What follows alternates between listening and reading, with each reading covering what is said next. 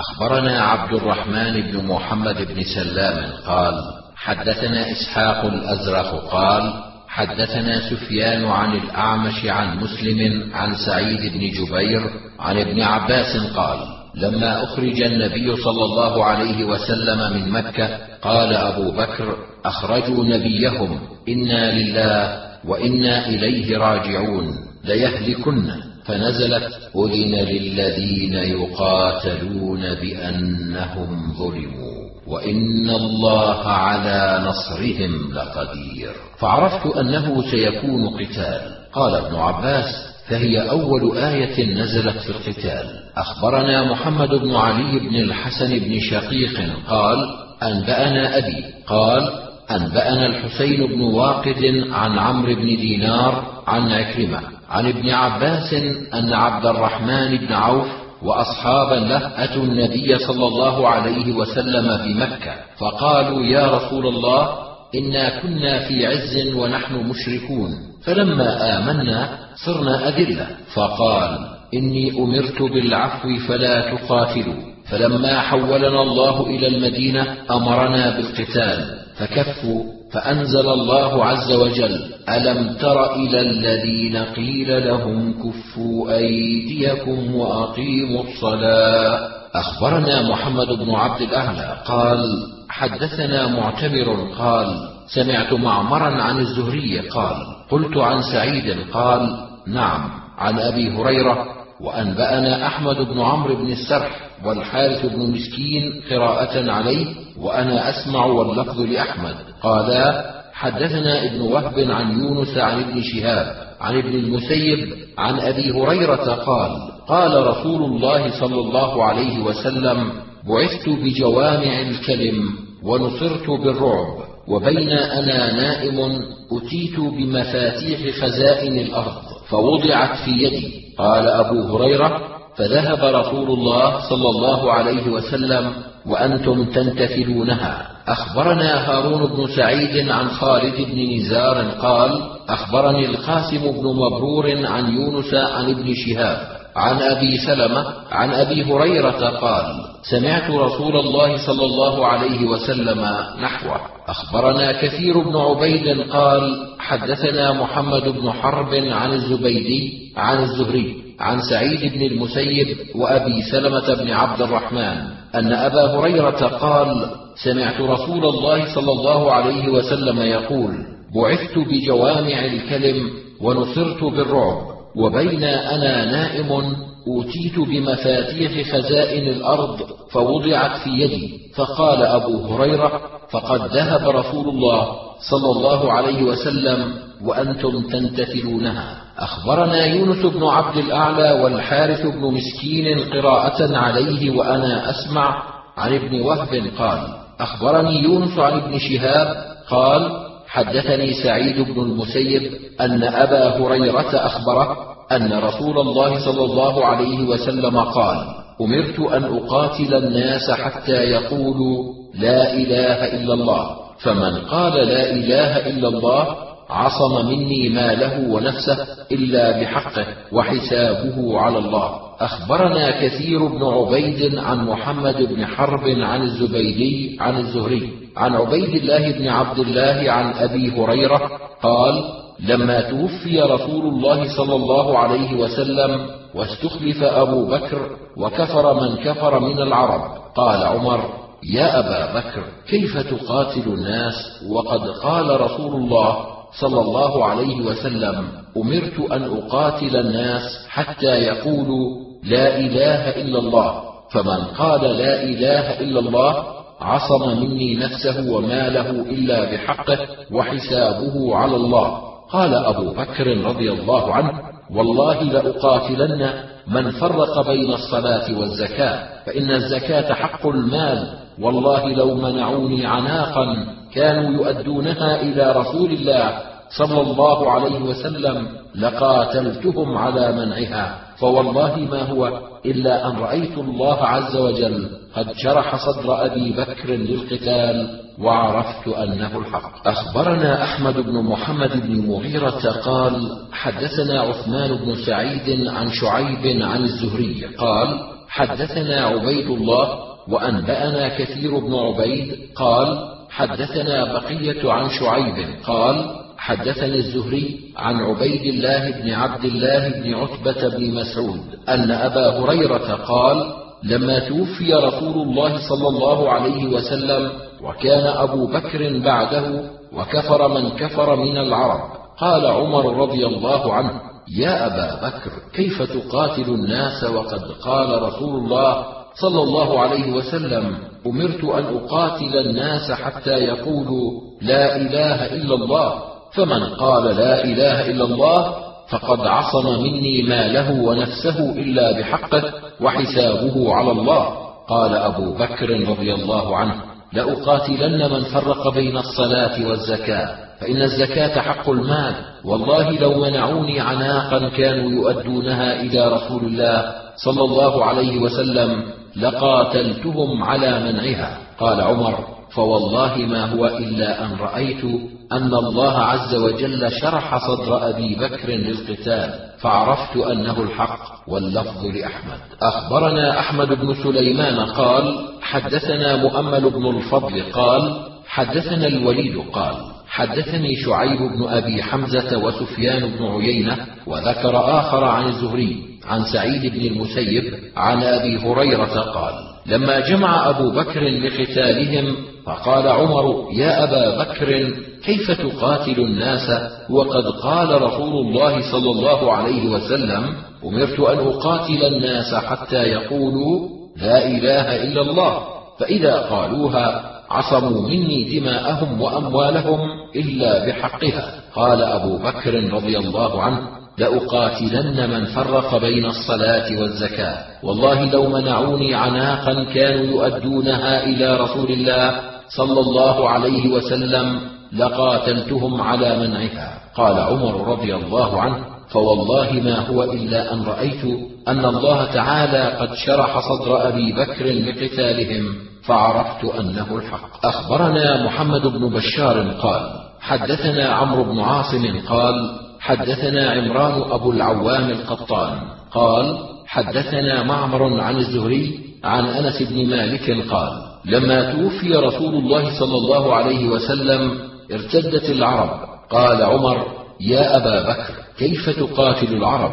فقال أبو بكر رضي الله عنه إنما قال رسول الله صلى الله عليه وسلم أمرت أن أقاتل الناس حتى يشهدوا أن لا إله إلا الله وأني رسول الله ويقيموا الصلاة ويؤتوا الزكاة. والله لو منعوني عناقا مما كانوا يعطون رسول الله صلى الله عليه وسلم لقاتلتهم عليه.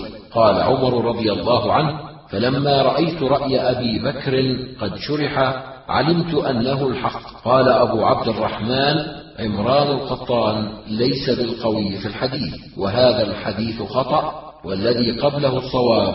حديث الزهري عن عبيد الله بن عبد الله بن عتبة عن أبي هريرة. أخبرنا أحمد بن محمد بن المغيرة قال حدثنا عثمان عن شعيب عن الزهري وأخبرني عمرو بن عثمان بن سعيد بن كثير قال حدثنا أبي قال حدثنا شعيب عن الزهري قال حدثني سعيد بن المسيب أن أبا هريرة أخبره أن رسول الله صلى الله عليه وسلم قال أمرت أن أقاتل الناس حتى يقولوا لا إله إلا الله فمن قالها فقد عصم مني نفسه وماله إلا بحقه وحسابه على الله. أخبرنا هارون بن عبد الله ومحمد بن إسماعيل بن إبراهيم قالا حدثنا يزيد قال أنبأنا حماد بن سلمة عن حميد عن أنس عن النبي صلى الله عليه وسلم قال جاهدوا المشركين بأموالكم وأيديكم وألسنتكم.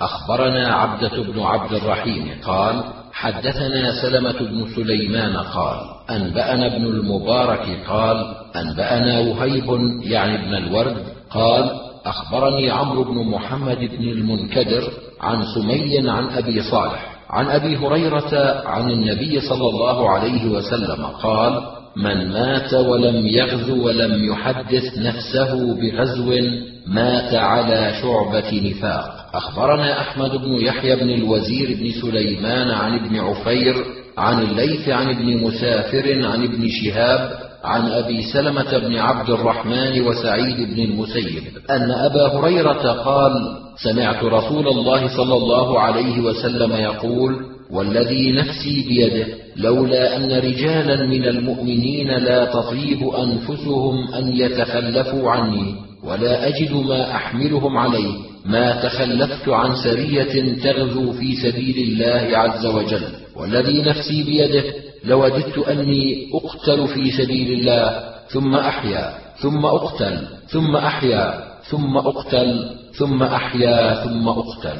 أخبرنا محمد بن عبد الله بن بزيع قال حدثنا بشر يعني ابن المفضل قال أنبأنا عبد الرحمن بن إسحاق عن الزهري عن سهل بن سعد قال رأيت مروان بن الحكم جالسا فجئت حتى جلست إليه فحدثنا أن زيد بن ثابت حدثه أن رسول الله صلى الله عليه وسلم أنزل عليه لا يستوي القاعدون من المؤمنين والمجاهدون في سبيل الله. فجاء ابن أم مكتوم وهو يملها عليه فقال يا رسول الله لو أستطيع الجهاد لجاهدت فأنزل الله عز وجل وفخذوه على فخذي فثقلت علي حتى ظننت أن سترد فخذي ثم سري عنه غير أولي الضرر. قال أبو عبد الرحمن عبد الرحمن بن إسحاق هذا ليس به بأس وعبد الرحمن بن إسحاق يروي عنه علي بن مسهر وأبو معاوية وعبد الواحد بن زياد عن النعمان بن سعد ليس بثقة. أخبرنا محمد بن يحيى بن عبد الله قال حدثنا يعقوب بن إبراهيم بن سعد قال حدثني أبي عن صالح عن ابن شهاب قال حدثني سهل بن سعد قال رأيت مروان جالسا في المسجد فاقبلت حتى جلست إلى جنبه فأخبرنا أن زيد بن ثابت أخبره أن رسول الله صلى الله عليه وسلم أملى عليه لا يستوي القاعدون من المؤمنين والمجاهدون في سبيل الله. قال فجاءه ابن أم مكتوم وهو يملها عليه فقال يا رسول الله لو أستطيع الجهاد لجاهدت وكان رجلا أعمى فأنزل الله على رسوله صلى الله عليه وسلم وفخذه على فخذي حتى همت ترد فخذي ثم سري عنه فأنزل الله عز وجل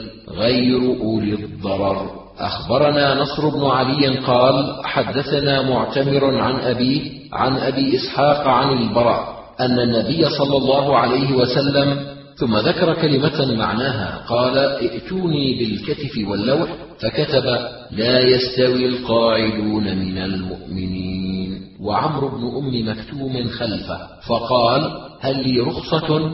فنزلت غير أولي الضرر أخبرنا محمد بن عبيد قال حدثنا أبو بكر بن عياش عن أبي إسحاق عن البراء قال لما نزلت لا يستوي القاعدون من المؤمنين جاء ابن أم مكتوم وكان أعمى فقال يا رسول الله فكيف في وأنا أعمى؟ قال فما برح حتى نزلت غير أولي الضرر. أخبرنا محمد بن المثنى عن يحيى بن سعيد عن سفيان وشعبة قال حدثنا حبيب بن أبي ثابت عن أبي العباس عن عبد الله بن عمرو قال جاء رجل إلى رسول الله صلى الله عليه وسلم يستأذنه في الجهاد فقال أحي والداك؟ قال نعم.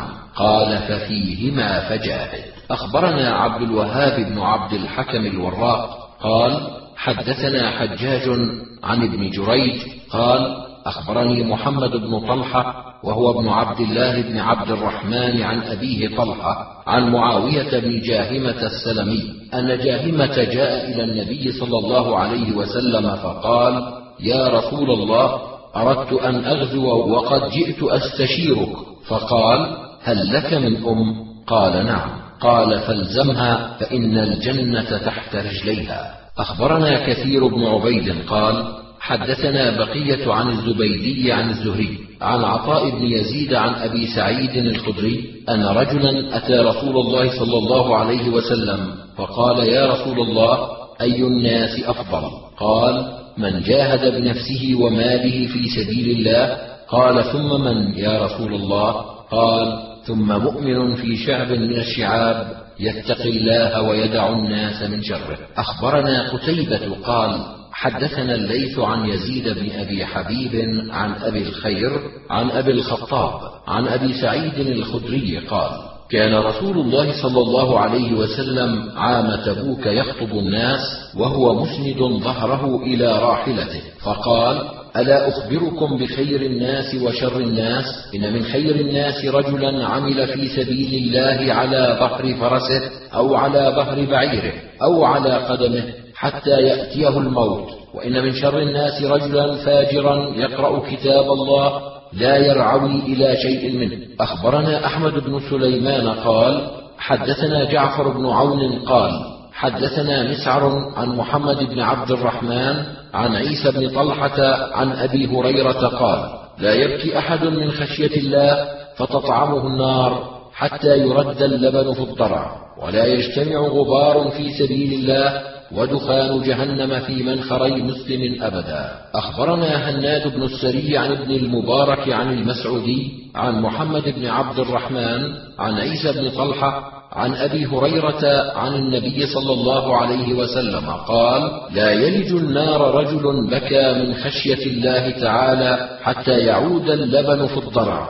ولا يجتمع غبار في سبيل الله ودخان نار جهنم. أخبرنا عيسى بن حماد قال حدثنا الليث عن ابن عجلان عن سهيل بن أبي صالح عن أبيه عن أبي هريرة أن رسول الله صلى الله عليه وسلم قال لا يجتمعان في النار مسلم قتل كافرا ثم سدد وقارب ولا يجتمعان في جوف مؤمن غبار في سبيل الله. وفيح جهنم. ولا يجتمعان في قلب عبد الإيمان والحسد. أخبرنا إسحاق بن إبراهيم قال حدثنا جرير عن سهيل عن صفوان بن أبي يزيد عن القعقاع بن اللجلاج عن أبي هريرة قال قال رسول الله صلى الله عليه وسلم لا يجتمع غبار في سبيل الله ودخان جهنم في جوف عبد أبدا ولا يجتمع الشح والإيمان في قلب عبد أبدا. أخبرنا عمرو بن علي قال حدثنا عبد الرحمن بن مهدي قال حدثنا حماد بن سلمة عن سهيل بن أبي صالح عن صفوان بن سليم عن خالد بن اللجلاج عن أبي هريرة عن النبي صلى الله عليه وسلم قال لا يجتمع غبار في سبيل الله ودخان جهنم في وجه رجل أبدا ولا يجتمع الشح والإيمان في قلب عبد أبدا. أخبرني محمد بن عامر قال حدثنا منصور بن سلمة قال أنبأنا الليث بن سعد عن ابن الهاد عن سهيل بن أبي صالح عن صفوان بن أبي يزيد عن القعقاع بن اللجلاج عن أبي هريرة قال قال رسول الله صلى الله عليه وسلم لا يجتمع غبار في سبيل الله ودخان جهنم في جوف عبد ولا يجتمع الشح والإيمان في جوف عبد. أخبرنا عمرو بن علي قال حدثنا عرعرة بن البرند وابن أبي عدي قالا حدثنا محمد بن عمرو عن صفوان بن أبي يزيد عن حسين بن اللجلاد عن أبي هريرة عن النبي صلى الله عليه وسلم قال لا يجتمع غبار في سبيل الله عز وجل ودخان جهنم في منخري مسلم أبدا. أخبرني شعيب بن يوسف قال حدثنا يزيد بن هارون عن محمد بن عمرو عن صفوان بن أبي يزيد عن حسين بن اللجلاج عن أبي هريرة. قال قال رسول الله صلى الله عليه وسلم لا يجتمع غبار في سبيل الله ودخان جهنم في منخري مسلم ولا يجتمع شح وإيمان في قلب رجل مسلم. أخبرنا محمد بن عبد الله بن عبد الحكم عن شعيب عن الليث عن عبيد الله بن أبي جعفر عن صفوان بن أبي يزيد عن أبي العلاء بن اللجلاج أنه سمع أبا هريرة يقول لا يجمع الله عز وجل غبارا في سبيل الله ودخان جهنم في جوف امرئ مسلم ولا يجمع الله في قلب امرئ مسلم الإيمان بالله والشح جميعا. أخبرنا الحسين بن حريث قال حدثنا الوليد بن مسلم قال حدثنا يزيد بن أبي مريم قال لحقني عباية بن رافع وأنا ماش إلى الجمعة فقال أبشر فإن خطاك هذه في سبيل الله. سمعت أبا عبس يقول قال رسول الله صلى الله عليه وسلم من اضطرت قدماه في سبيل الله فهو حرام على النار. أخبرنا عصمة بن الفضل قال حدثنا زيد بن حباب عن عبد الرحمن بن شريح قال سمعت محمد بن شمير الرعيني يقول سمعت أبا علي التجيبي أنه سمع أبا ريحانة يقول سمعت رسول الله صلى الله عليه وسلم يقول حرمت عين على النار سهرت في سبيل الله. أخبرنا عبدة بن عبد الله قال حدثنا حسين بن علي عن زائدة عن سفيان عن أبي حازم عن سهل بن سعد قال قال رسول الله صلى الله عليه وسلم الغدوة والروحة في سبيل الله عز وجل أفضل من الدنيا وما فيها. أخبرنا محمد بن عبد الله بن يزيد قال: حدثنا أبي قال: حدثنا سعيد بن أبي أيوب قال: حدثني شرحبيل بن شريك المعافري عن أبي عبد الرحمن الحبلي أنه سمع أبا أيوب الأنصاري يقول: قال رسول الله صلى الله عليه وسلم: غدوة في سبيل الله أو روحة خير مما طلعت عليه الشمس وغربت. أخبرنا محمد بن عبد الله بن يزيد عن أبيه قال: حدثنا عبد الله بن المبارك عن محمد بن عجلان عن سعيد المخبري عن أبي هريرة عن النبي صلى الله عليه وسلم قال: ثلاثة كلهم حق على الله عز وجل عونه المجاهد في سبيل الله والناكح الذي يريد العفاف والمكاتب الذي يريد الأداء. أخبرنا عيسى بن إبراهيم قال حدثنا ابن وهب عن مخرمة عن أبيه قال سمعت سهيل بن أبي صالح قال سمعت أبي يقول سمعت أبا هريرة يقول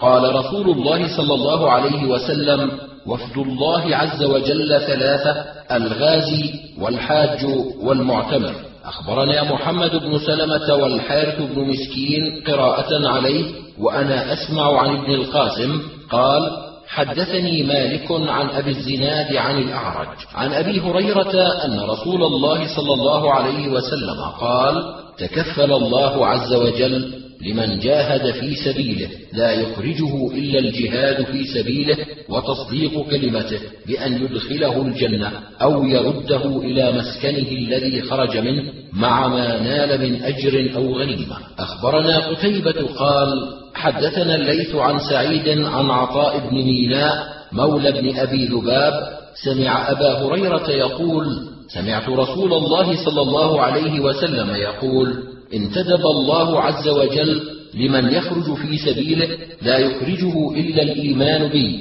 والجهاد في سبيلي أنه ضامن حتى أدخله الجنة بأيهما كان إما بقتل أو وفاة أو أرده إلى مسكنه الذي خرج منه نال ما نال من أجر أو غنيمة. أخبرني عمرو بن عثمان بن سعيد بن كثير بن دينار قال حدثنا أبي عن شعيب عن الزهري قال أخبرني سعيد بن المسيب قال سمعت أبا هريرة قال سمعت رسول الله صلى الله عليه وسلم يقول مثل المجاهد في سبيل الله والله أعلم بمن يجاهد في سبيل الله. كمثل الصائم القائم وتوكل الله للمجاهد في سبيله بأن يتوفاه فيدخله الجنة أو يرجعه سالما بما نال من أجر أو غنيمة. أخبرنا محمد بن عبد الله بن يزيد قال حدثنا أبي قال حدثنا حيوة وذكر آخر قال حدثنا أبو هانئ الخولاني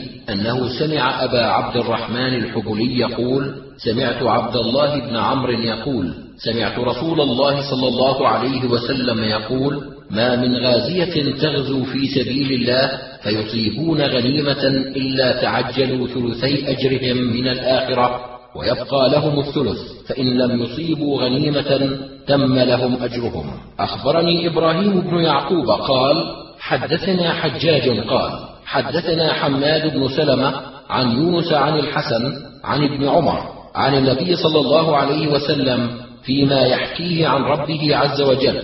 قال أيما عبد من عبادي خرج مجاهدا في سبيل الله ابتغاء مرضاتي ضمنت له أن أرجعه إن أرجعته بما أصاب من أجر أو غنيمة وإن قبضته غفرت له ورحمته. أخبرنا هناد بن السري عن ابن المبارك عن معمر عن الزهري عن سعيد بن المسيب عن أبي هريرة قال سمعت رسول الله صلى الله عليه وسلم يقول مثل المجاهد في سبيل الله والله أعلم بمن يجاهد في سبيله كمثل الصائم القائم الخاشع الراكع الساجد. أخبرنا عبيد الله بن سعيد قال حدثنا حماد قال حدثنا همام قال حدثنا محمد بن جحادة قال حدثني أبو حسين أن ذكوان حدثه أن أبا هريرة حدثه قال جاء رجل إلى رسول الله صلى الله عليه وسلم فقال دلني على عمل يعدل الجهاد.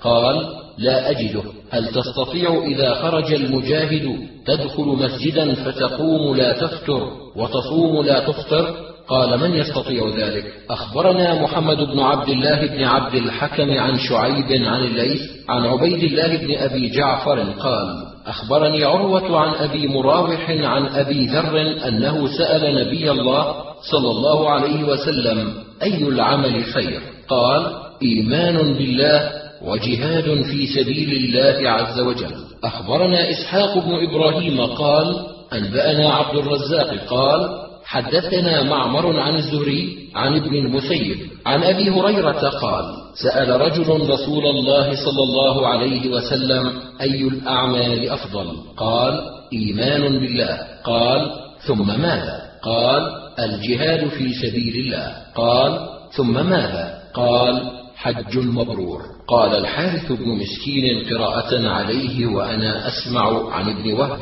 قال حدثني أبو هانئ عن أبي عبد الرحمن الحبلي عن أبي سعيد الخدري أن رسول الله صلى الله عليه وسلم قال يا أبا سعيد من رضي بالله ربا وبالإسلام دينا وبمحمد نبيا وجبت له الجنة. قال فعجب لها أبو سعيد. قال أعدها علي يا رسول الله.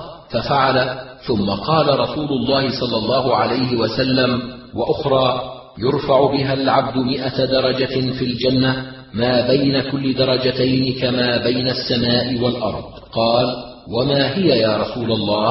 قال الجهاد في سبيل الله الجهاد في سبيل الله. أخبرنا هارون بن محمد بن بكار بن بلال قال حدثنا محمد بن عيسى بن القاسم بن سميع قال حدثنا زيد بن واقد قال حدثني بسر بن عبيد الله عن أبي إدريس الخولاني عن أبي الدرداء قال قال رسول الله صلى الله عليه وسلم من أقام الصلاة واتى الزكاة ومات لا يشرك بالله شيئا كان حقا على الله عز وجل أن يغفر له هاجرا ومات في مولده فقلنا يا رسول الله ألا نخبر بها الناس فيستبشروا بها فقال إن للجنة مئة درجة بين كل درجتين كما بين السماء والأرض أعدها الله للمجاهدين في سبيله ولولا أن أشق على المؤمنين ولا أجد ما أحملهم عليه ولا تطيب أنفسهم أن يتخلفوا بعدي.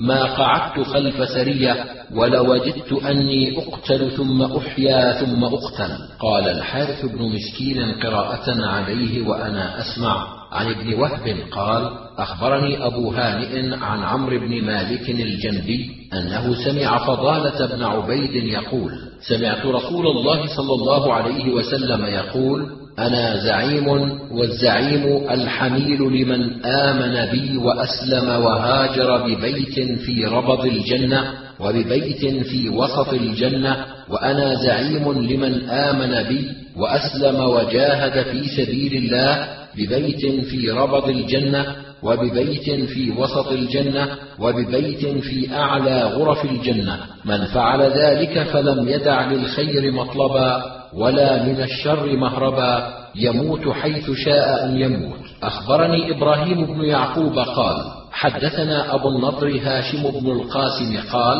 حدثنا أبو عقيل عبد الله بن عقيل قال حدثنا موسى بن المسيب عن سالم بن أبي الجعد عن سبرة بن أبي فاكه قال سمعت رسول الله صلى الله عليه وسلم يقول إن الشيطان قعد لابن آدم بأطرقه فقعد له بطريق الإسلام فقال تسلم وتذر دينك ودين آبائك وآباء أبيك فعصاه فأسلم. ثم قعد له بطريق الهجرة فقال تهاجر وتدع أرضك وسماءك وإنما مثل المهاجر كمثل الفرس في الطول.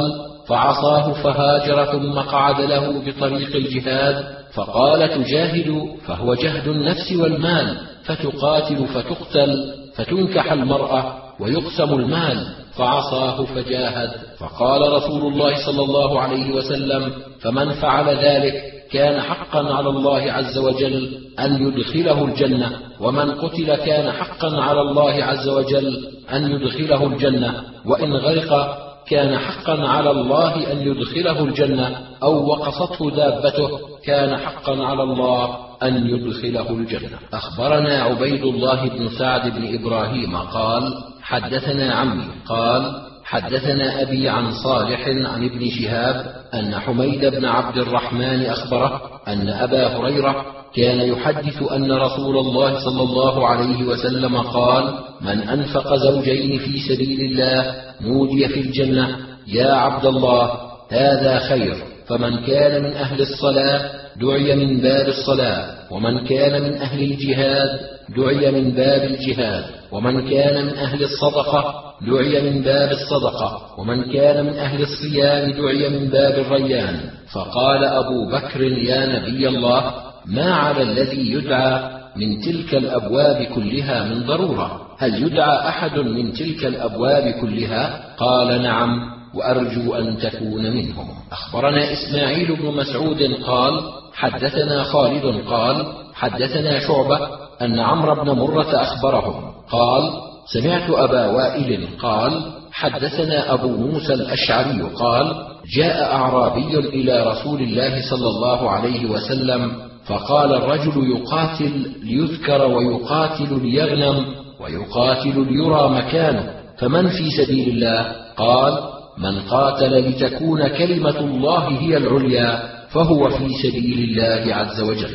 أخبرنا محمد بن عبد الأعلى قال حدثنا خالد قال حدثنا ابن جريج قال حدثنا يونس بن يوسف عن سليمان بن يسار قال تفرق الناس عن أبي هريرة فقال له قائل من أهل الشام أيها الشيخ حدثني حديثا سمعته من رسول الله صلى الله عليه وسلم قال نعم. سمعت رسول الله صلى الله عليه وسلم يقول أول الناس يقضى لهم يوم القيامة ثلاثة رجل استشهد فأتي به فعرفه نعمه فعرفها قال فما عملت فيها؟ قال قاتلت فيك حتى استشهدت قال كذبت ولكنك قاتلت ليقال فلان جريء فقد قيل. ثم أمر به فسحب على وجهه حتى ألقي في النار ورجل تعلم العلم وعلمه وقرأ القرآن فأتي به فعرفه نعمه فعرفها. قال فما عملت فيها؟ قال تعلمت العلم وعلمته وقرأت فيك القرآن. قال كذبت ولكنك تعلمت العلم ليقال عالم وقرأت القرآن ليقال قارئ. فقد قيل ثم أمر به فسحب على وجهه حتى ألقي في النار. ورجل وسع الله عليه وأعطاه من أصناف المال كله فأتي به فعرفه نعمه فعرفها فقال ما عملت فيها؟ قال ما تركت من سبيل تحب. قال أبو عبد الرحمن ولم أفهم تحب كما أردت أن ينفق فيها إلا أنفقت فيها لك. قال كذبت ولكن ليقال إنه جواد فقد قيل ثم أمر به فسحب على وجهه فألقي في النار. أخبرنا عمرو بن علي قال حدثنا عبد الرحمن قال حدثنا حماد بن سلمة عن جبلة بن عطية عن يحيى بن الوليد بن عبادة بن الصامت عن جده قال قال رسول الله صلى الله عليه وسلم من غزا في سبيل الله ولم ينو إلا عقالا فله ما نوى. أخبرني هارون بن عبد الله قال حدثنا يزيد بن هارون قال أنبأنا حماد بن سلمة عن جبلة بن عطية عن يحيى بن الوليد عن عبادة بن الصامت أن رسول الله صلى الله عليه وسلم قال: من غزا وهو لا يريد إلا عقالا فله ما نوى. أخبرنا عيسى بن هلال الحمصي قال: حدثنا محمد بن حمير قال: حدثنا معاوية بن سلام عن عكرمة بن عمار عن شداد أبي عمار عن أبي أمامة الباهلي قال: جاء رجل إلى النبي صلى الله عليه وسلم فقال: أرأيت رجلا غزا يلتمس الأجر والذكر؟ ما له؟ فقال رسول الله صلى الله عليه وسلم: لا شيء له، فأعادها ثلاث مرات. يقول له رسول الله صلى الله عليه وسلم: لا شيء له، ثم قال: إن الله لا يقبل من العمل إلا ما كان له خالصا. وابتغي به وجهه. أخبرنا يوسف بن سعيد قال سمعت حجاجا أنبأنا ابن جريج قال حدثنا سليمان بن موسى قال حدثنا مالك بن يخامر أن معاذ بن جبل حدثهم أنه سمع رسول الله صلى الله عليه وسلم يقول من قاتل في سبيل الله عز وجل من رجل مسلم فواق ناقة وجبت له الجنة.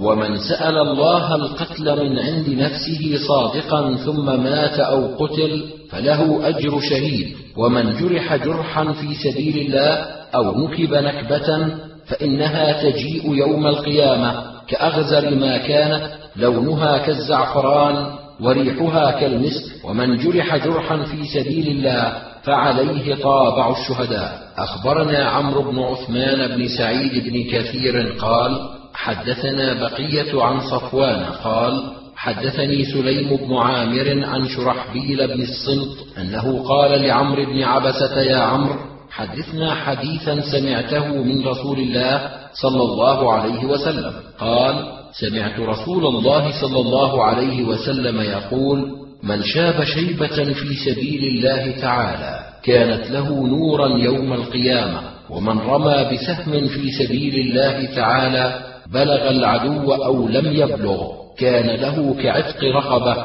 ومن أعتق رقبة مؤمنة كانت له فداءه من النار عضوا بعضو أخبرنا محمد بن عبد الأعلى قال حدثنا خالد قال حدثنا هشام قال حدثنا قتادة عن سالم بن أبي الجعد عن معدان بن أبي طلحة عن أبي نجيح السلمي قال سمعت رسول الله صلى الله عليه وسلم يقول من بلغ بسهم في سبيل الله فهو له درجة في الجنة فبلغت يومئذ ستة عشر سهما. قال وسمعت رسول الله صلى الله عليه وسلم يقول من رمى بسهم في سبيل الله فهو عد محرر. أخبرنا محمد بن العلاء قال حدثنا أبو معاوية قال حدثنا الأعمش عن عمرو بن مرة عن سالم بن أبي الجعد عن شرحبيل بن الصمت قال قال لكعب بن مرة يا كعب حدثنا عن رسول الله صلى الله عليه وسلم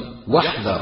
قال سمعته يقول من شاب شيبة في الإسلام في سبيل الله كانت له نورا يوم القيامة. قال له حدثنا عن النبي صلى الله عليه وسلم واحذر.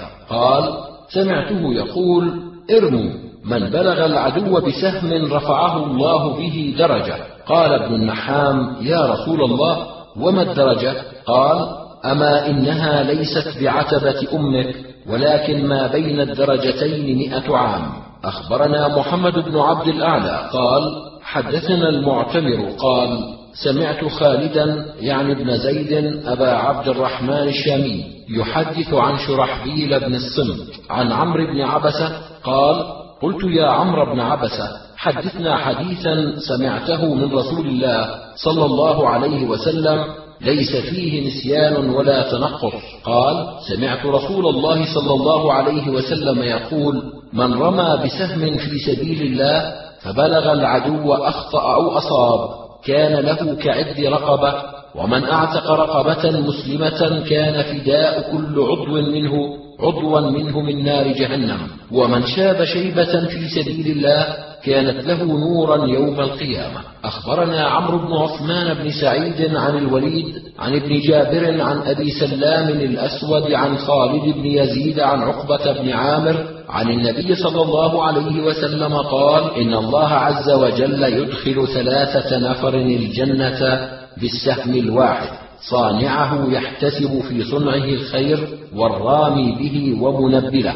أخبرنا محمد بن منصور قال حدثنا سفيان عن أبي الزناد عن الأعرج عن أبي هريرة عن النبي صلى الله عليه وسلم قال لا يكلم أحد في سبيل الله والله أعلم بمن يكلم في سبيله إلا جاء يوم القيامة وجرحه يثعب دما اللون لون دم والريح ريح المسك. أخبرنا هناد بن السري عن ابن المبارك عن معمر عن الزهري عن عبد الله بن ثعلبة قال قال رسول الله صلى الله عليه وسلم زملوهم بدمائهم فإنه ليس كلم يكلم في الله إلا أتى يوم القيامة.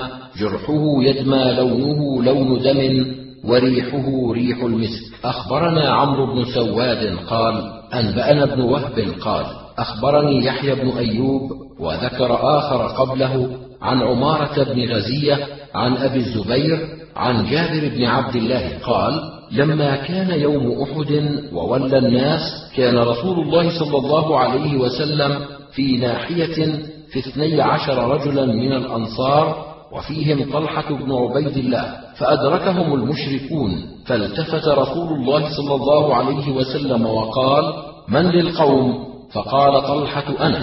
قال رسول الله صلى الله عليه وسلم كما أنت. فقال رجل من الأنصار أنا يا رسول الله. فقال أنت. فقاتل حتى قتل ثم التفت فإذا المشركون. فقال من للقوم؟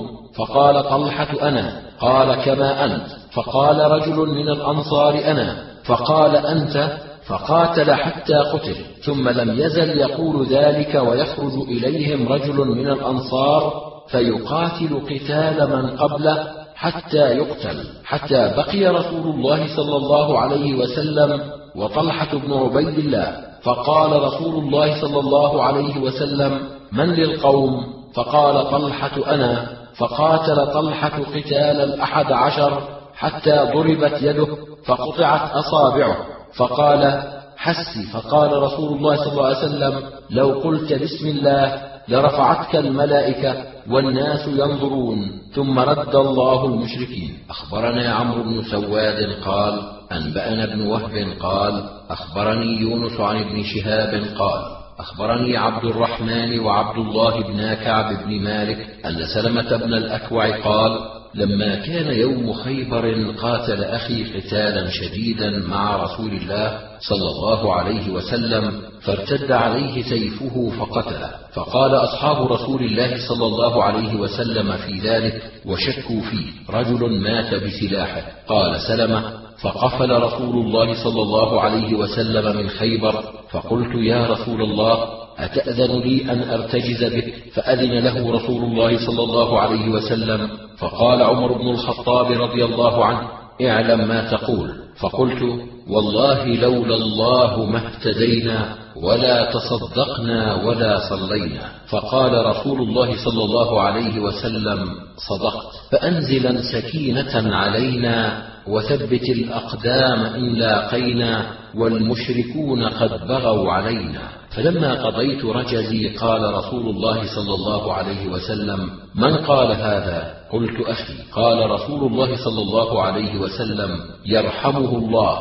فقلت يا رسول الله والله إن ناسا ليهابون الصلاة عليه. يقولون رجل مات بسلاحه فقال رسول الله صلى الله عليه وسلم مات جاهدا مجاهدا؟ قال ابن شهاب ثم سألت ابنا لسلمة بن الأكوع فحدثني عن أبيه مثل ذلك غير أنه قال حين قلت إن ناسا ليهابون الصلاة عليه فقال رسول الله صلى الله عليه وسلم كذبوا مات جاهدا مجاهدا؟ فله أجره مرتين وأشار بأصبعيه أخبرنا عبيد الله بن سعيد قال حدثنا يحيى يعني ابن سعيد القطان عن يحيى يعني ابن سعيد الأنصاري قال حدثني ذكوان أبو صالح عن أبي هريرة عن النبي صلى الله عليه وسلم قال لولا أن أشق على أمتي لم أتخلف عن سرية ولكن لا يجدون حمولة ولا أجد ما أحملهم عليه.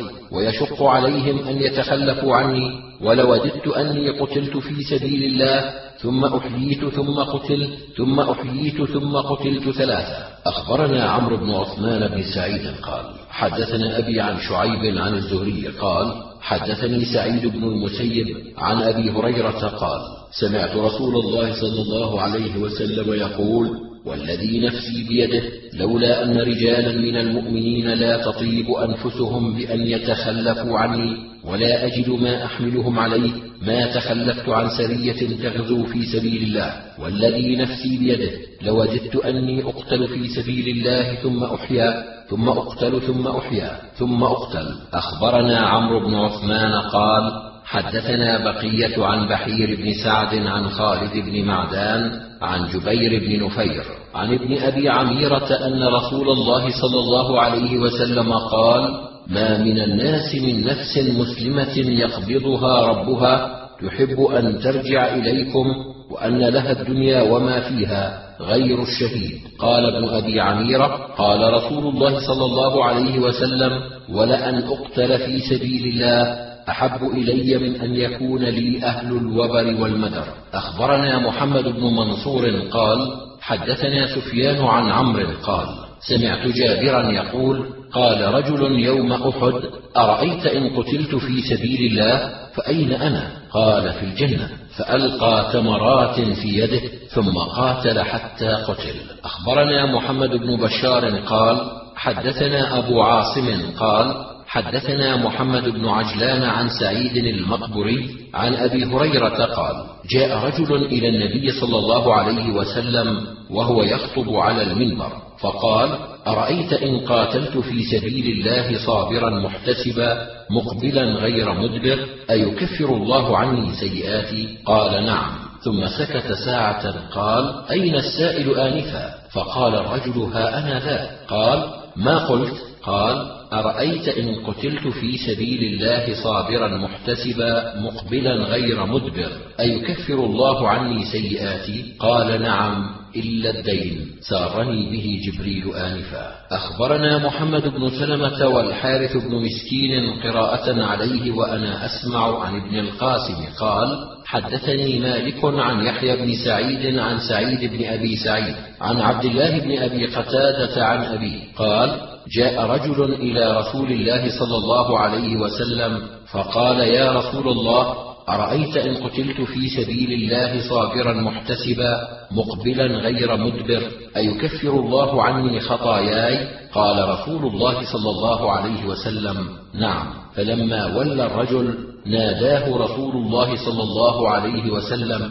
أو أمر به فنودي له. فقال رسول الله صلى الله عليه وسلم كيف قلت؟ فأعاد عليه قوله فقال رسول الله صلى الله عليه وسلم نعم إلا الدين كذلك قال لي جبريل عليه السلام أخبرني قتيبة قال حدثنا الليث عن سعيد بن أبي سعيد عن عبد الله بن أبي قتادة عن أبي قتادة أنه سمعه يحدث عن رسول الله صلى الله عليه وسلم أنه قام فيهم فذكر لهم أن الجهاد في سبيل الله والإيمان بالله أفضل الأعمال. فقام رجل فقال يا رسول الله أرأيت إن قتلت في سبيل الله؟ ايكفر الله عني خطاياي؟ فقال رسول الله صلى الله عليه وسلم نعم إن قتلت في سبيل الله وأنت صابر محتسب مقبل غير مدبر إلا الدين فإن جبريل عليه السلام قال لي ذلك.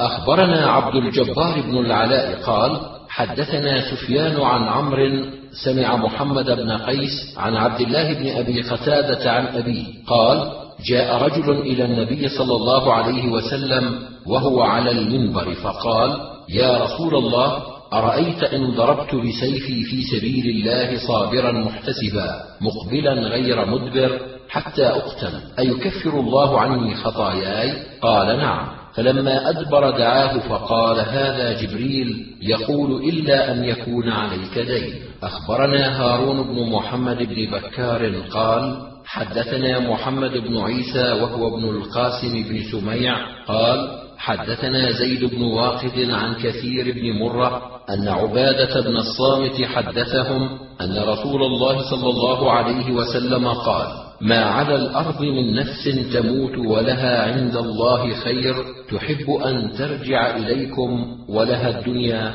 إلا القتيل فإنه يحب أن يرجع فيقتل مرة أخرى. أخبرنا أبو بكر بن نافع قال حدثنا بهز قال حدثنا حماد عن ثابت عن أنس قال قال رسول الله صلى الله عليه وسلم يؤتى بالرجل من أهل الجنة فيقول الله عز وجل يا ابن آدم كيف وجدت منزلك فيقول أي ربي خير منزل. فيقول سل وتمنى فيقول أسألك أن تردني إلى الدنيا فأقتل في سبيلك عشر مرات. لما يرى من فضل الشهادة. أخبرنا عمران بن يزيد قال حدثنا حاتم بن إسماعيل عن محمد بن عجلان عن القعقاع بن حكيم. عن أبي صالح عن أبي هريرة أن رسول الله صلى الله عليه وسلم قال الشهيد لا يجد مس القتل إلا كما يجد أحدكم القرصة يقرصها. أخبرنا يونس بن عبد الأعلى قال حدثنا ابن وهب قال حدثني عبد الرحمن بن شريح أن سهل بن أبي أمامة بن سهل بن حنيف حدثه عن أبيه عن جده أن رسول الله صلى الله عليه وسلم قال من سأل الله عز وجل الشهادة بصدق بلغه الله منازل الشهداء وإن مات على فراشه. أخبرنا يونس بن عبد الأعلى قال حدثنا ابن وهب قال حدثني عبد الرحمن بن شريح عن عبد الله بن ثعلبة الحضرمي أنه سمع ابن حجيرة يخبر عن عقبة بن عامر أن رسول الله صلى الله عليه وسلم قال خمس من قبض في شيء منهن فهو شهيد. المقتول في سبيل الله شهيد والغرق في سبيل الله شهيد والمبطون في سبيل الله شهيد والمطعون في سبيل الله شهيد والنفساء في سبيل الله شهيد. أخبرني عمرو بن عثمان قال حدثنا بقية قال حدثنا بحير عن خالد عن ابن أبي بلال عن العرباض بن سارية أن رسول الله صلى الله عليه وسلم قال يختصم الشهداء والمتوفون على فرشهم إلى ربنا في الذين يتوفون من الطاعون. فيقول الشهداء إخواننا قتلوا كما قتلنا ويقول المتوفون على فرشهم إخواننا ماتوا على فرشهم كما متنا فيقول ربنا انظروا إلى جراحهم فإن أشبه جراحهم جراح المقتولين فإنهم منهم ومعهم فإذا جراحهم قد أشبهت جراحهم. أخبرنا محمد بن منصور قال حدثنا سفيان عن أبي الزناد عن الأعرج عن أبي هريرة عن النبي صلى الله عليه وسلم قال إن الله عز وجل يعجب من رجلين يقتل أحدهما صاحبه وقال مرة أخرى ليضحك من رجلين يقتل أحدهما صاحبه ثم يدخلان الجنة. أخبرنا محمد بن سلمة والحارث بن مسكين قراءة عليه وأنا أسمع عن ابن القاسم. قال حدثني مالك عن أبي الزناد عن الأعرج عن أبي هريرة أن رسول الله صلى الله عليه وسلم قال يضحك الله إلى رجلين يقتل أحدهما الآخر كلاهما يدخل الجنة يقاتل هذا في سبيل الله فيقتل ثم يتوب الله على القاتل فيقاتل فيستشهد. قال الحارث بن مسكين قراءة عليه وأنا أسمع عن ابن وهب. أخبرني عبد الرحمن بن شريح عن عبد الكريم بن الحارث عن أبي عبيدة بن عقبة عن شرحبيل بن الصلب عن سلمان الخير عن رسول الله صلى الله عليه وسلم قال من رابط يوما وليلة في سبيل الله كان له كأجر صيام شهر وقيامة ومن مات مرابطا أجري له مثل ذلك من الأجر وأجري عليه الرزق وأمن من الفتان. أخبرنا عمرو بن منصور قال حدثنا عبد الله بن يوسف قال حدثنا الليث قال حدثني أيوب بن موسى عن مكحول عن شرحبيل بن الصمت عن سلمان قال سمعت رسول الله صلى الله عليه وسلم يقول من رابط في سبيل الله يوما وليلة كانت له كصيام شهر وقيامه فإن مات جرى عليه عمله الذي كان يعمل وأمن الفتان وأجري عليه رزقه. أخبرنا عمرو بن منصور قال حدثنا عبد الله بن يوسف قال حدثنا الليث عن زهرة بن معبد قال حدثني أبو صالح مولى عثمان قال سمعت عثمان بن عفان رضي الله عنه يقول سمعت رسول الله صلى الله عليه وسلم يقول رباط يوم في سبيل الله خير من ألف يوم فيما سواه من المنازل. أخبرنا عمرو بن علي قال حدثنا عبد الرحمن بن مهدي قال حدثنا ابن المبارك قال حدثنا أبو معن قال حدثنا زهرة بن معبد عن أبي صالح مولى عثمان قال قال عثمان بن عفان رضي الله عنه سمعت رسول الله صلى الله عليه وسلم يقول يوم في سبيل الله خير من ألف يوم فيما سواه. أخبرنا محمد بن سلمة والحارث بن مسكين قراءة عليه وأنا أسمع عن ابن القاسم. قال حدثني مالك عن إسحاق بن عبد الله بن أبي طلحة عن أنس بن مالك قال كان رسول الله صلى الله عليه وسلم إذا ذهب إلى قباء يدخل على أم حرام بنت ملحان فتطعمه وكانت أم حرام بنت ملحان تحت عبادة بن الصامت فدخل عليها رسول الله صلى الله عليه وسلم يوما فأطعمته وجلست تفري رأسه. فنام رسول الله صلى الله عليه وسلم ثم استيقظ وهو يضحك. قالت فقلت ما يضحكك يا رسول الله؟ قال ناس من أمتي عرضوا علي غزاة في سبيل الله يركبون سبج هذا البحر ملوك على الأسرة أو مثل الملوك على الأسرة. شك إسحاق. فقلت يا رسول الله ادعو الله أن يجعلني منهم. فدعا لها رسول الله صلى الله عليه وسلم ثم نام. وقال الحارث فنام ثم استيقظ فضحك فقلت له ما يضحكك يا رسول الله؟ قال ناس من أمتي عرضوا علي غزاة في سبيل الله ملوك على الأسرة أو مثل الملوك على الأسرة كما قال في الأول. فقلت يا رسول الله ادعو الله أن يجعلني منهم. قال أنت من الأولين. فركبت البحر في زمان معاوية فصرعت عن دابتها حين خرجت من البحر فهلكت. أخبرنا يحيى بن حبيب بن عربي قال حدثنا حماد عن يحيى بن سعيد عن محمد بن يحيى بن حبان عن أنس بن مالك عن أم حرام بنت ملحان قالت أتانا رسول الله صلى الله عليه وسلم وقال عندنا فاستيقظ وهو يضحك فقلت يا رسول الله بأبي وأمي. ما أضحكك؟ قال رأيت قوما من أمتي يركبون هذا البحر كالملوك على الأسرة. قلت أدعو الله أن يجعلني منهم. قال فإنك منهم.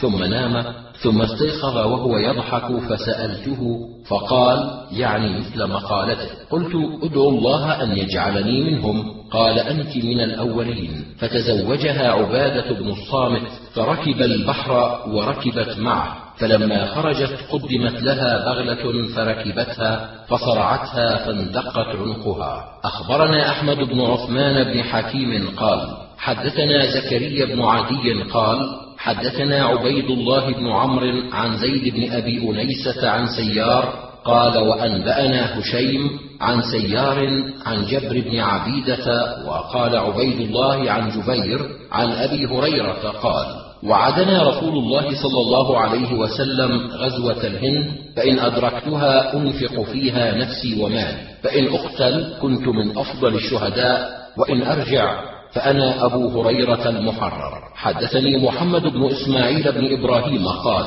حدثنا يزيد قال أنبأنا هشيم قال حدثنا سيار أبو الحكم عن جبر بن عبيدة عن أبي هريرة قال وعدنا رسول الله صلى الله عليه وسلم غزوة الهند فإن أدركتها أنفق فيها نفسي ومالي وإن قتلت كنت أفضل الشهداء وإن رجعت فأنا أبو هريرة المحرر. أخبرني محمد بن عبد الله بن عبد الرحيم قال حدثنا أسد بن موسى قال حدثنا بقية قال حدثني أبو بكر الزبيدي عن أخيه محمد بن الوليد عن لقمان بن عامر عن عبد الأعلى بن عدي البهراني عن ثوبان مولى رسول الله صلى الله عليه وسلم قال قال رسول الله صلى الله عليه وسلم عصابتان من أمتي احرزهما الله من النار عصابة تغزو الهند وعصابة تكون مع عيسى بن مريم عليهما السلام. أخبرنا عيسى بن يونس قال حدثنا ضمرة عن أبي زرعة السيباني عن أبي سكينة رجل من المحررين عن رجل من أصحاب النبي صلى الله عليه وسلم قال: لما أمر النبي صلى الله عليه وسلم بحفر الخندق عرضت لهم صخرة حالت بينهم وبين الحفر، فقام رسول الله صلى الله عليه وسلم وأخذ المعول ووضع رداءه ناحية الخندق وقال تمت كلمة ربك صدقا وعدلا لا مبدل لكلماته وهو السميع العليم. فندر ثلث الحجر وسلمان الفارسي قائم ينظر فبرق مع ضربة رسول الله صلى الله عليه وسلم برقة ثم ضرب الثانية وقال تمت كلمة ربك صدقا وعدلا لا مبدل لكلماته وهو السميع العليم. فندر الثلث الآخر فبرقت برقة فرآها سلمان ثم ضرب الثالثة وقال تمت كلمة ربك صدقا وعدلا لا مبدل لكلماته وهو السميع العليم.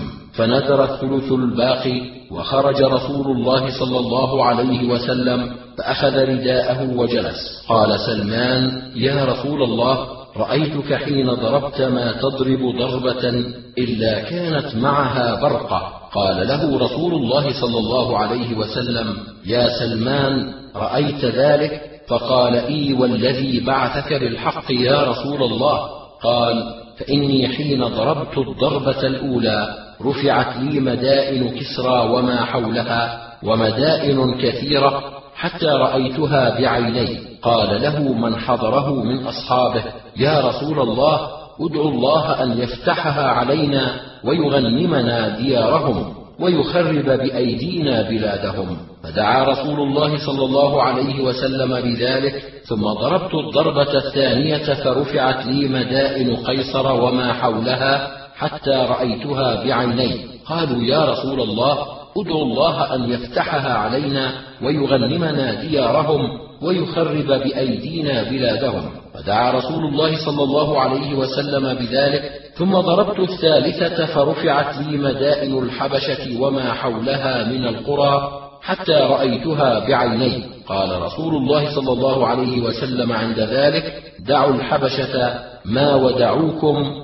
واتركوا الترك ما تركوكم. أخبرنا قتيبة قال حدثنا يعقوب عن سهيل عن ابيه عن أبي هريرة أن رسول الله صلى الله عليه وسلم قال لا تقوم الساعة حتى يقاتل المسلمون الترك قوما وجوههم كالمجان المطرقة يلبسون الشعر ويمشون في الشعر. أخبرنا محمد بن إدريس قال حدثنا عمر بن حفص بن غياث عن أبيه عن مسعر عن طلحة بن مصرف عن مصعب بن سعد عن أبيه أنه ظن أن له فضلا على من دونه من أصحاب النبي صلى الله عليه وسلم.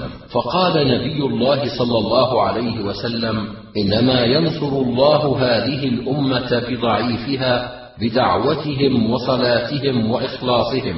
أخبرنا يحيى بن عثمان قال حدثنا عمر بن عبد الواحد قال حدثنا ابن جابر قال حدثني زيد بن أرطاة الفزاري عن جبير بن نفير الحضرمي أنه سمع أبا الدرداء يقول سمعت رسول الله صلى الله عليه وسلم يقول ابغون الضعيف فإنكم إنما ترزقون وتنصرون بضعفائكم.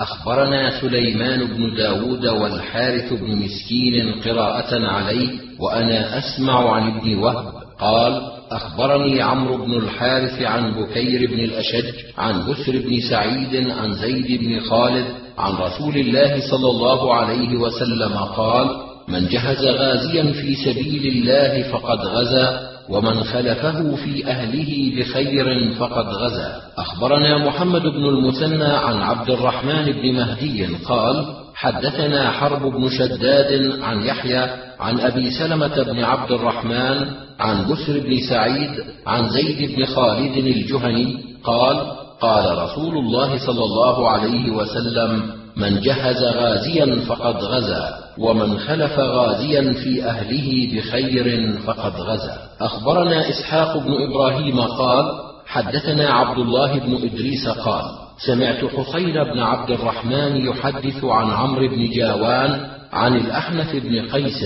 قال خرجنا حجاجا فقدمنا المدينة ونحن نريد الحج فبينا نحن في منازلنا نضع رحالنا إذ أتانا آت فقال إن الناس قد اجتمعوا في المسجد وفزعوا فانطلقنا فإذا الناس مجتمعون على نفر في وسط المسجد وفيهم علي والزبير وطلحة وسعد بن أبي وقاص. فإنا لكذلك إذ جاء عثمان رضي الله عنه عليه ملاءة صفراء قد قنع بها رأسه فقال أها هنا طلحة؟ أها هنا الزبير؟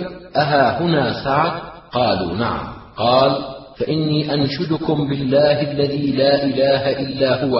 أتعلمون أن رسول الله صلى الله عليه وسلم قال من يبتاع مربد بني فلان غفر الله له؟ فابتعته بعشرين ألفا أو بخمسة وعشرين ألفا. فأتيت رسول الله صلى الله عليه وسلم فأخبرته فقال اجعله في مسجدنا وأجره لك قالوا اللهم نعم.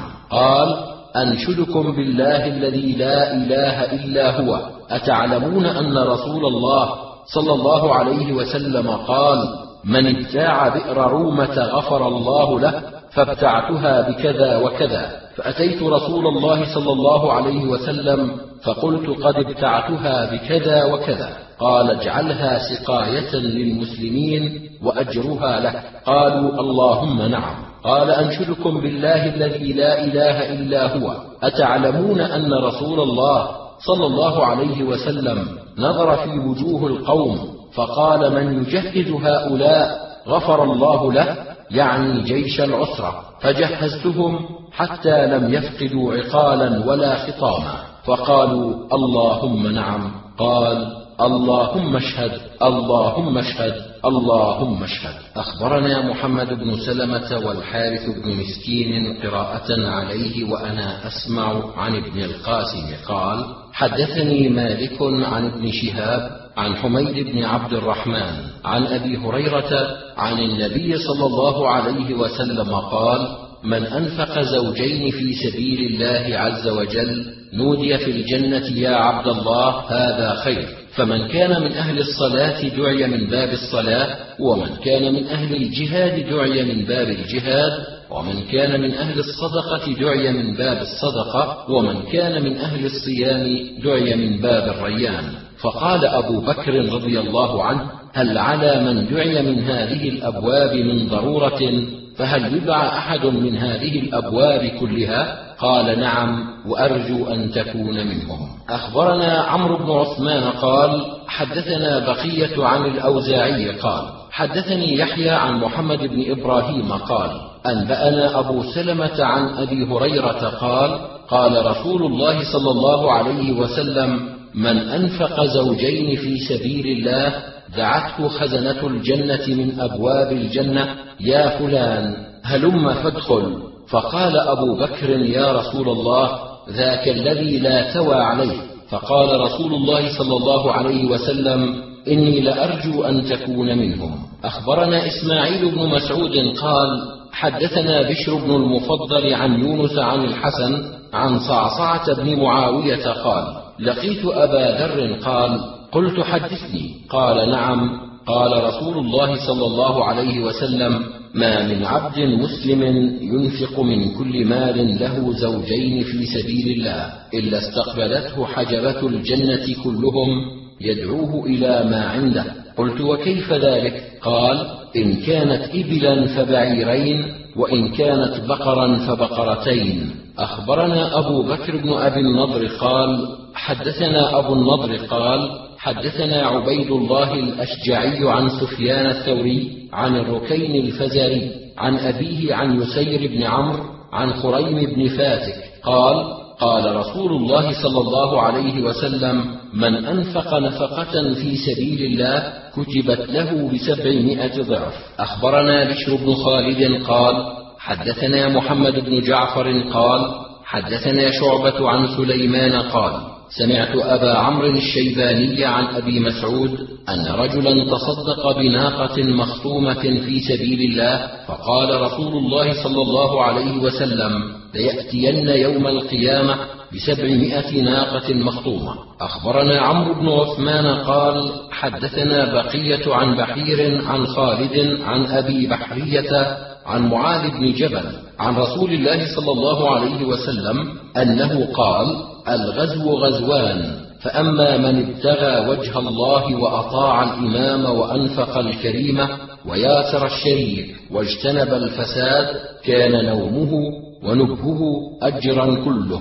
وأما من غزا رياء وسمعة وعصى الإمام وأفسد في الأرض فإنه لا يرجع بالكفاف. أخبرنا حسين بن حريث ومحمود بن غيلان واللفظ لحسين قالا حدثنا وكيع عن سفيان عن علقمة بن مرثد عن سليمان بن بريدة عن أبيه قال قال رسول الله صلى الله عليه وسلم حرمة نساء المجاهدين على القاعدين كحرمة أمهاتهم وما من رجل يخلف في امرأة رجل من المجاهدين فيخونه فيها إلا وقف له يوم القيامة فأخذ من عمله ما شاء فما ظنكم. أخبرني هارون بن عبد الله قال حدثنا حرمي بن عمارة قال حدثنا شعبة عن علقمة بن مرثد عن سليمان بن بريدة عن أبيه أن رسول الله صلى الله عليه وسلم قال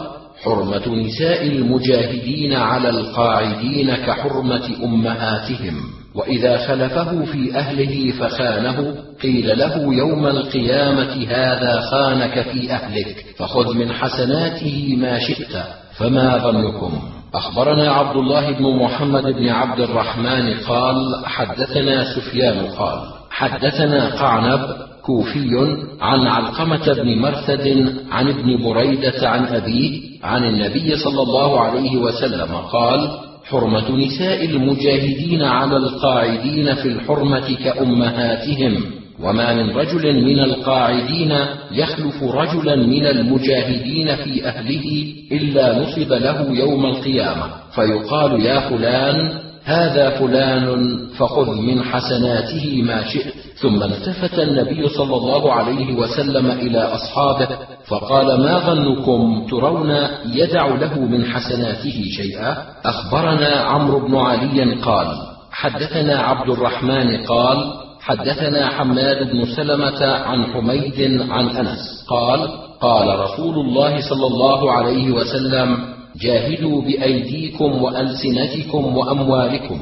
أخبرنا أبو محمد موسى بن محمد هو الشامي قال حدثنا ميمون بن الأصبغ قال حدثنا يزيد بن هارون قال أنبأنا شريك عن أبي إسحاق عن القاسم بن عبد الرحمن عن أبيه عن عبد الله رضي الله عنه عن رسول الله صلى الله عليه وسلم أنه أمر بقتل الحيات وقال من خاف ثأرهن فليس منا. أخبرنا أحمد بن سليمان قال حدثنا جعفر بن عون عن أبي عميس عن عبد الله بن عبد الله بن جبر عن أبيه أن رسول الله صلى الله عليه وسلم عاد جبرا فلما دخل سمع النساء يبكين ويقولن كنا نحسب وفاتك قتلا في سبيل الله. فقال وما تعدون الشهادة إلا من قتل في سبيل الله. إن شهداءكم إذا لقليل القتل في سبيل الله شهادة والبطن شهادة والحرق شهادة والغرق شهادة والمغموم يعني الهدم شهادة والمجنون شهادة والمرأة تموت بجمع شهيدة. قال رجل أتبكين ورسول الله صلى الله عليه وسلم قاعد؟ قال دعهن فإذا وجب فلا تبكين عليه باكية. أخبرنا أحمد بن يحيى قال حدثنا إسحاق بن منصور قال حدثنا داود يعني الطائي عن عبد الملك بن عمير عن جبر أنه دخل مع رسول الله صلى الله عليه وسلم على ميت فبكى النساء فقال جبر أتبكين ما دام رسول الله صلى الله عليه وسلم جالسا؟ قال دعهن يبكين ما دام بينهن فإذا وجب فلا تبكين باكية.